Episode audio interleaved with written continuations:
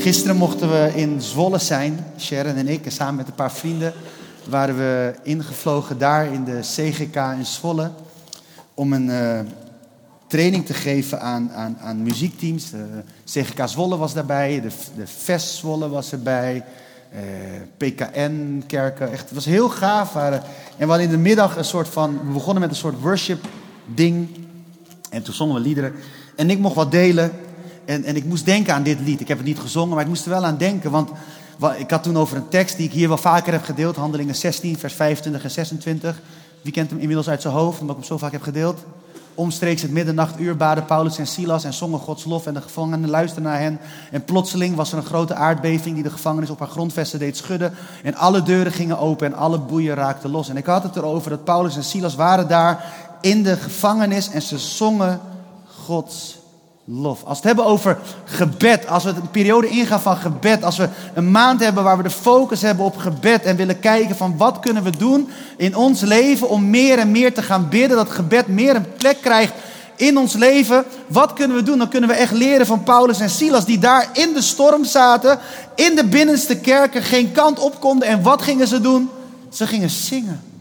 En de gevangenen luisterden naar hen. En dat is nogal logisch, want als twee mannen in de gevangenis zitten, helemaal niks verkeerd hebben gedaan, geboeid zijn met hun handen, hun benen, ze konden geen kant op, ze zagen geen daglicht en hun antwoord was gebed en aanbidding, dan valt dat op. En dat is helemaal niet de preek van vandaag, maar ja, als Francisco dit soort liedjes gaat aandragen, dan ga ik aan. Want dit is wel wat we moeten weten. I raise a hallelujah in the middle of the mystery. I raise, hallelujah moet ons antwoord zijn te midden van elke storm. En daarmee ontkennen we niet de storm, maar we erkennen de meester van de storm. Het is zo simpel en toch zo ingewikkeld.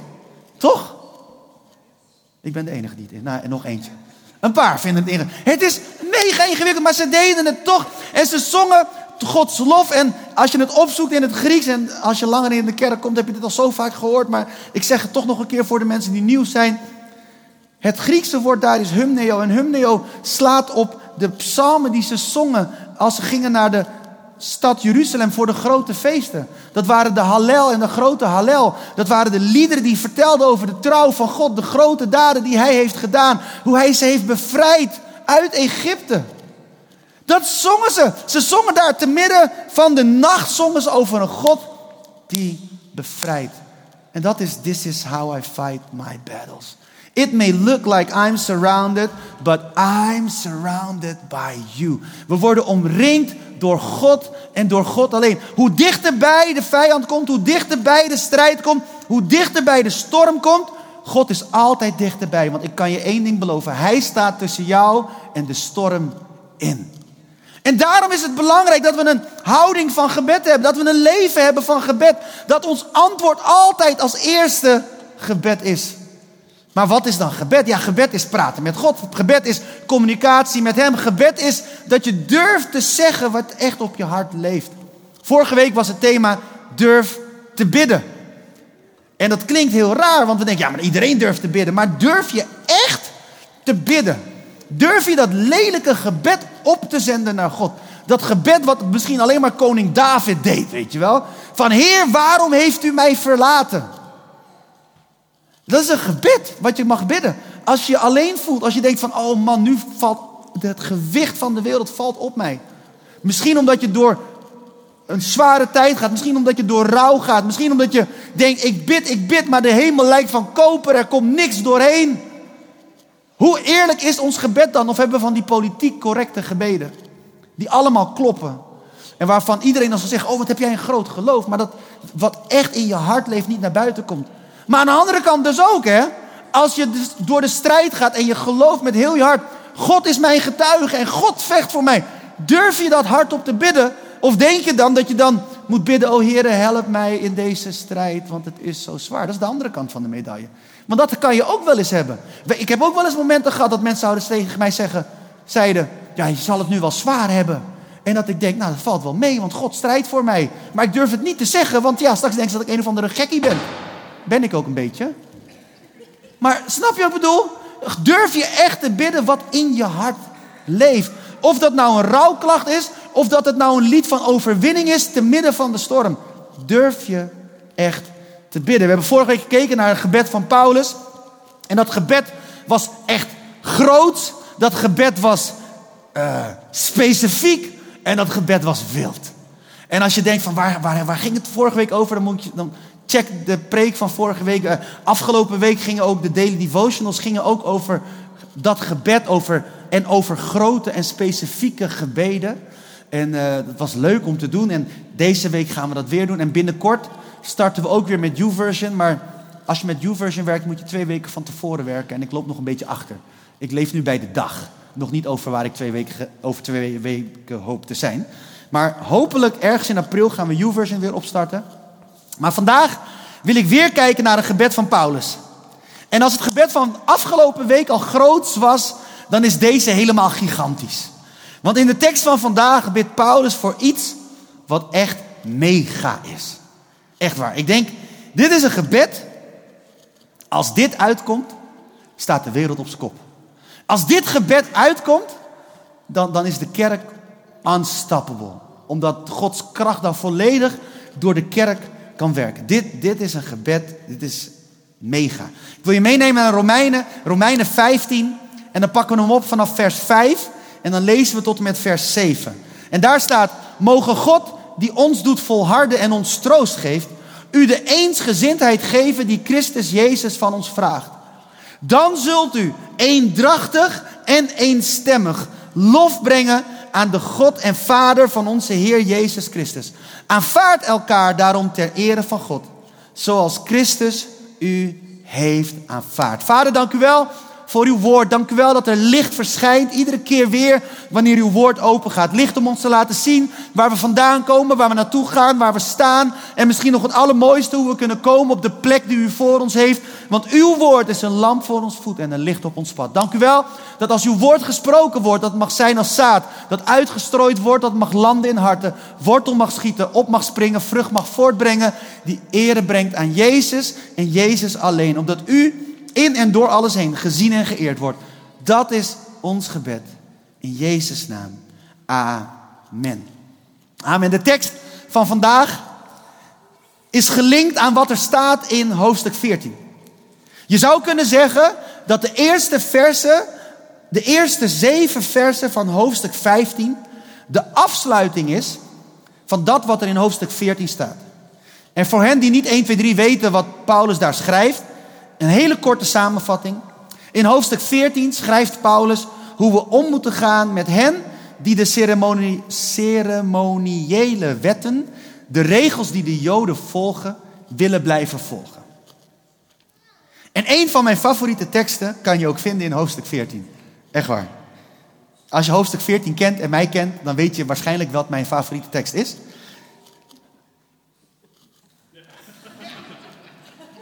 Het staat echt in de Bijbel, jongens. Ik haal hem nu helemaal uit zijn context, hè. Dit is echt, dit is echt cherrypicking ten top. Het gaat daar niet over. Maar ik vind het altijd leuk als ik deze tekst lees. Denk ik, yes! Ah, maar het is een grapje dus. Maar hoofdstuk 14 staat er vol van. Weet je wat dit is? Wat hij schrijft aan de gemeente te Rome en daar waren heel veel Joden. En ook mensen die tot geloof komen. Dat is een echt bijzondere beweging van God was daar gaande. In Rome. En dan heb je dus mensen die dus de wetten van de Joden gaan volgen. En mensen die zeggen, nee, we zijn vrij, we mogen doen wat we willen, want we zijn vrij in Christus. Nou ja, niet alles doen wat je wil, maar wel dat je de vrijheid hebt om te bewegen. Dat je mag leven en dat je mag genieten van de dingen die God geeft. En dan zegt Paulus daar eigenlijk tegen van jongens, nu kunnen we heel lang discussiëren. We kunnen van alles doen, we kunnen van alles zeggen.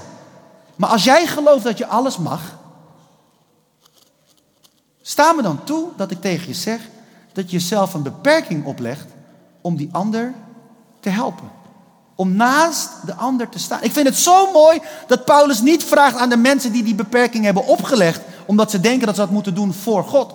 Dat hij zegt, haal dat nou weg. Nee, hij kijkt naar de groep die zegt, ja maar ik mag alles. En dan zegt hij, leg jezelf dan die beperking op. Want dat zou Christus ook doen voor hun. Dat zou Christus ook doen voor de ander. En ik denk als we zo gaan leven in de kerk, wordt de kerk een stuk leuker. Want dan gaan we onszelf niet meer elkaar niet overtuigen van elkaars gelijk. Maar als jij denkt, ja, maar ik, ik mag dat wel gewoon. Dat je dan gewoon voor die ander dat dan gewoon niet meer doet. Even een voorbeeld. Een voorbeeld, heel praktisch voorbeeld. Stel je voor, jij denkt, en ik, hier zit geen oordeel in, hè? het is gewoon een voorbeeld. Oké? Voorbeeld. Ik zou bijna willen zeggen, zeg maar na, voorbeeld. Nee, grapje. Maar voorbeeld. Stel je zegt, ik mag naar alles luisteren. Ik zal je een, grapje vertellen. Fred Hammond gaf laatst een interview. Fred Hammond heeft dat lied geschreven. No weapon formed against me shall... Maar die akkoordenprogressie van dat lied, ja, die had hij gevonden van een lied van Boys to Men, wat helemaal niks met Jezus te maken heeft, waarvan het couplet zegt, close your eyes, make a wish. En sommige mensen weten welk lied dat is. En de mensen die hem kennen denken, oh, en, en op dat lied. Hey, maar goed. Voor de mensen die denken, ik mag naar alles luisteren, is één groep. En je hebt mensen die zeggen, nee, ik mag alleen gospel luisteren. En het liefst alleen maar hele noten. Kan hè? Als die persoon bij jou op bezoek komt, kan je natuurlijk die persoon willen overtuigen. En dan bijvoorbeeld, ik noem maar wat, liedjes van Coldplay aandoen of zo. Die had toch dat hele mooie liedje. Wat, wat, het liedje ook weer? Is dat Coldplay of niet? Fix you. Zo van, zie er zit het evangelie in verweven. Had je kunnen zeggen. Kan. Of je kiest ervoor. Ik weet niet of liedjes op hele noten op cd staan. Of Spotify. Maar je kan ook dan gewoon niks aandoen. Gewoon, of, dat je dat, weet je, dat je dit niemand probeert te overtuigen. Als we zo met elkaar omgaan, wordt het leven een stuk leuker. Echt waar. Dan gaan we elkaar zien, gaan we elkaar begrijpen. En dat is wat Paulus in hoofdstuk 14 eigenlijk uitlegt. En dat ding van eten is natuurlijk een heel praktisch voorbeeld. Als iemand gelooft vanuit het geloof, dus dat hij overtuigd is vanuit zijn of haar geloof, van ik wil voor de schepping zorgen en daarom eet ik geen Als die persoon bij je komt eten, dan moet je dus geen picanha op de barbecue zetten. Maar dan doe je een groene asperge op de barbecue. Dan help je elkaar. Snap je? En als die persoon weg is.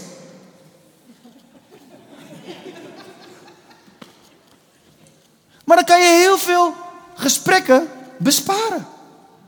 En dan kan het gaan over dingen die belangrijk zijn. Kan het gaan over Jezus? Kan het gaan over het leven? Kan het gaan over hoe God goed voor ons is? In plaats van dat we. Wij christenen zijn zo goed geworden in discussiëren. Echt ongelooflijk.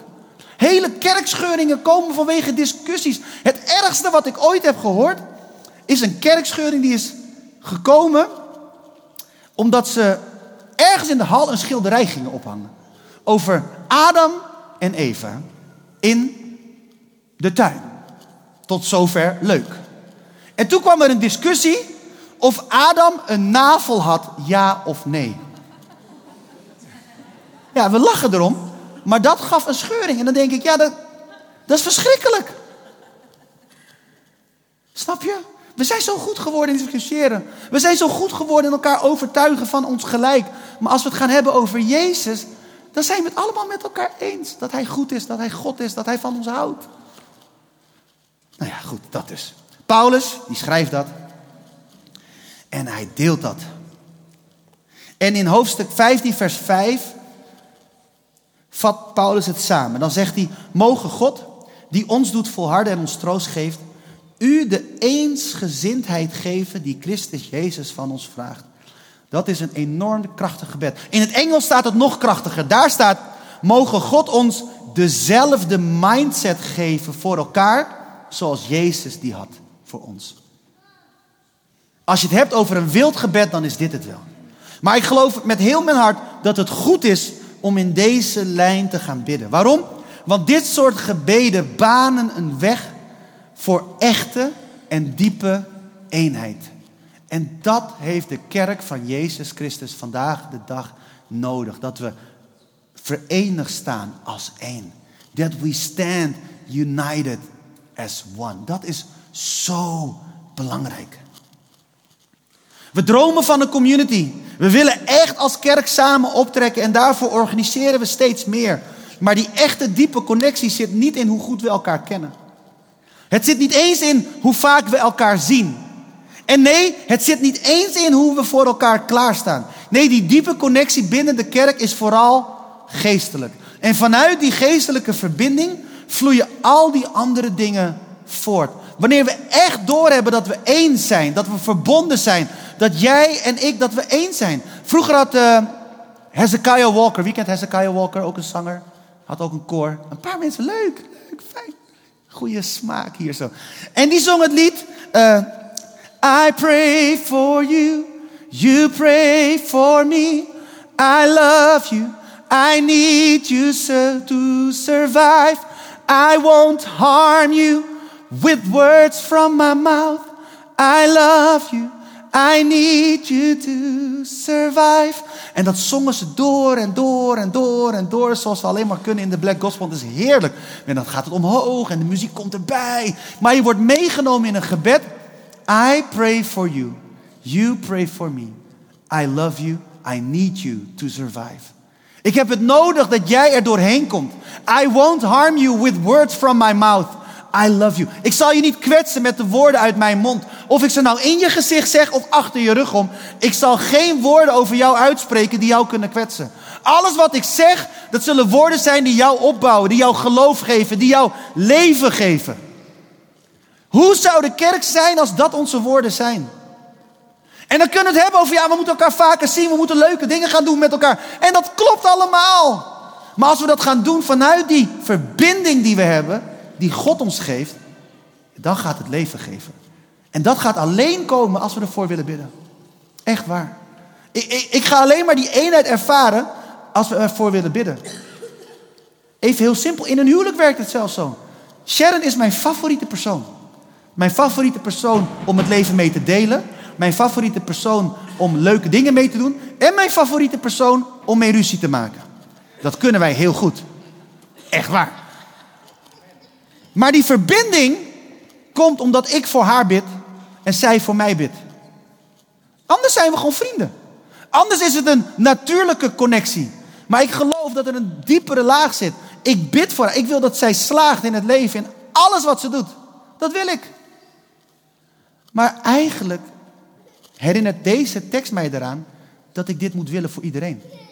Ik wil dat jij wint in het leven. Dat wil ik. En nee, dit is helemaal niet dat ik zeg van er, daardoor zullen er nooit stormen zijn of wat dan ook. Nee, dat niet. Als jij huilt, huil ik met je mee.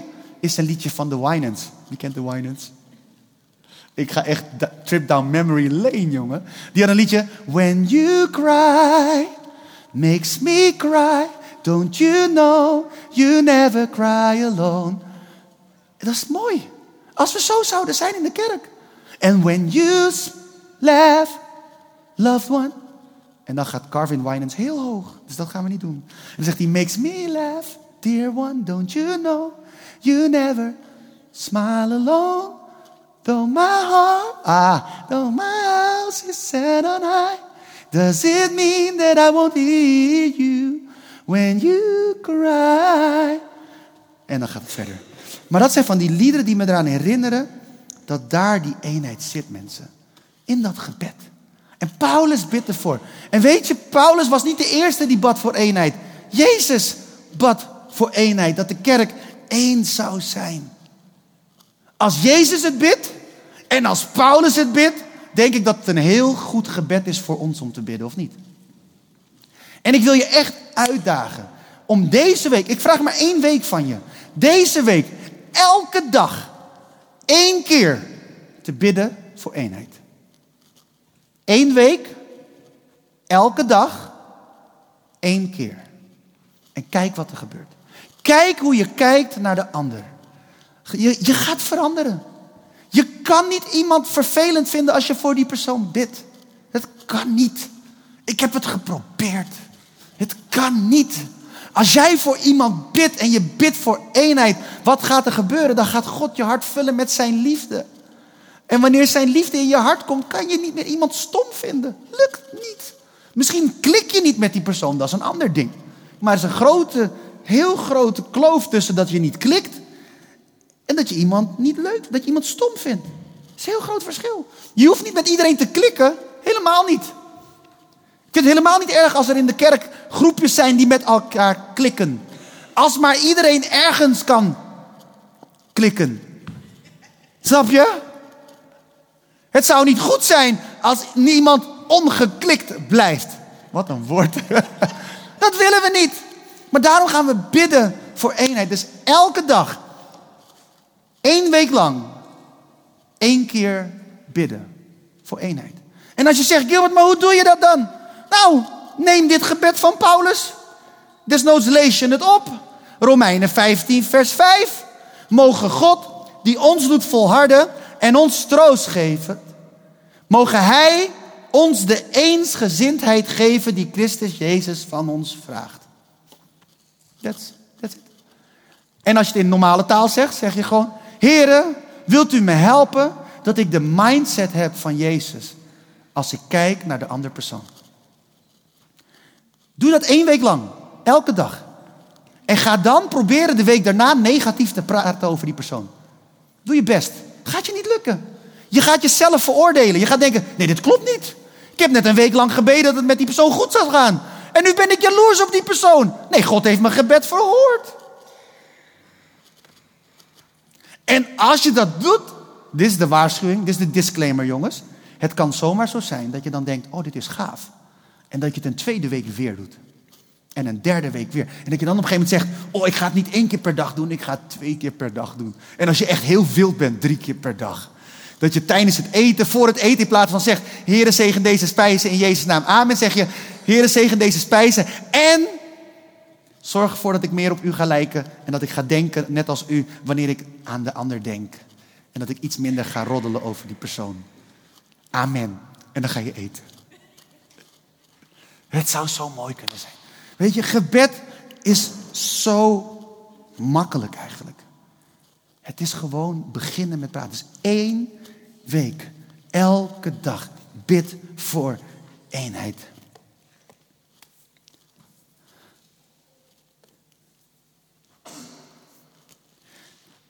Dus ik geloof echt dat het goed is om in deze lijn te bidden.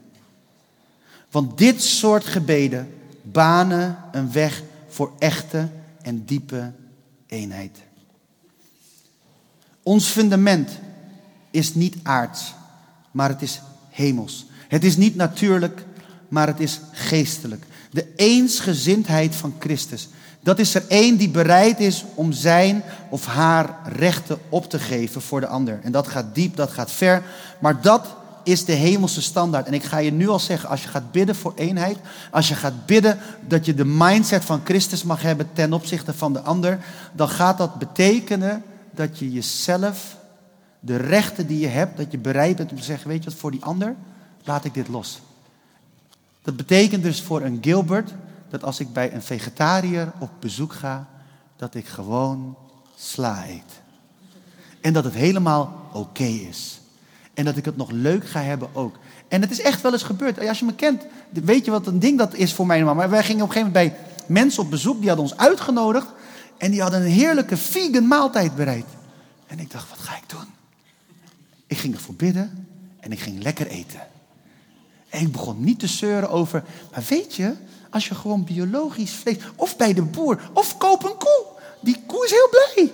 En dan eten we niet heel veel, maar bleek, die hele discussie doe ik dan niet. Ik eet gewoon wat ze me geven en ik ben dankbaar. En dan heb je een gesprek over Jezus. In plaats van dat ik iemand probeer te overtuigen dat ik helemaal niet zo slecht ben. Terwijl die persoon dat helemaal niet eens zegt. Snap je? Maar daar hebben we het ook een keer over gehad, hè, pas geleden, over Nivea. Niet invullen voor een ander. Dat je niet moet denken van, oh die persoon zal wat, dat en dat over me denken. Dus dan ga ik nu maar zeggen dat ik helemaal niet zo slecht ben. En in het begin deed ik dat hoor, zal ik eerlijk zeggen. Als ik met iemand sprak die een vegan was vanuit hele mooie beweegredenen. Dat ik zei, ja ik koop alleen biologisch vlees. Dat was een soort van goedpraterij voor mij. Want dat die persoon weet van, oh, dus je doet niet aan die bio-industrie, die bent best wel oké. Maar nu zeg ik gewoon helemaal niks. Veel beter. Scheelt een heel gesprek. En dan kan je het gaan over, over andere dingen die misschien veel belangrijker zijn. Dus, ja, de eensgezindheid van Christus. En dan, en dan, dat is zo mooi, want het gebed gaat verder in vers 6. Dan staat er, dan zult u eendrachtig en eenstemmig lof brengen aan de God en Vader van onze Heer Jezus Christus. Wanneer we bereid zijn om te bidden voor die eenheid. Wanneer we bereid zijn om echt die mindset van Christus, dat we daarvoor bidden. En dan ga je het ook krijgen. Wanneer we bereid zijn om los te laten waar we recht op denken te hebben. Met als doel om de ander in Christus liefde te dienen. Dan zullen we eendrachtig en eenstemmig lof brengen aan God. Dan zal het geluid wat vanuit de kerk gaat, zal een geluid zijn wat eer brengt aan God. Dat is toch vet? Dit was echt een hele goede plek voor een amen of zo. Maar dat is echt knijtervet. Als dat het getuigenis is van de kerk. Als mensen het over de kerk hebben en dan niet denken... Oh, dat zijn die vervelende mensen die allemaal dingen niet mogen. Of dat zijn die gekkies. Maar dat ze zeggen, dat zijn die mensen die lof brengen aan God. Dwars door alles heen. Dat is vet. Ja, ik vind het vet. Zo, heb ik dat gezegd. Maar goed.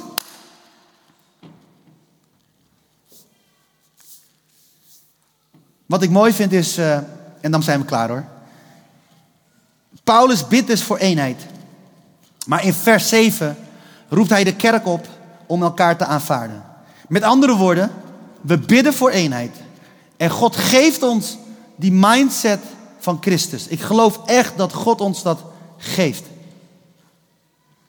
Maar tegelijkertijd hebben we dus ook onze eigen verantwoordelijkheid.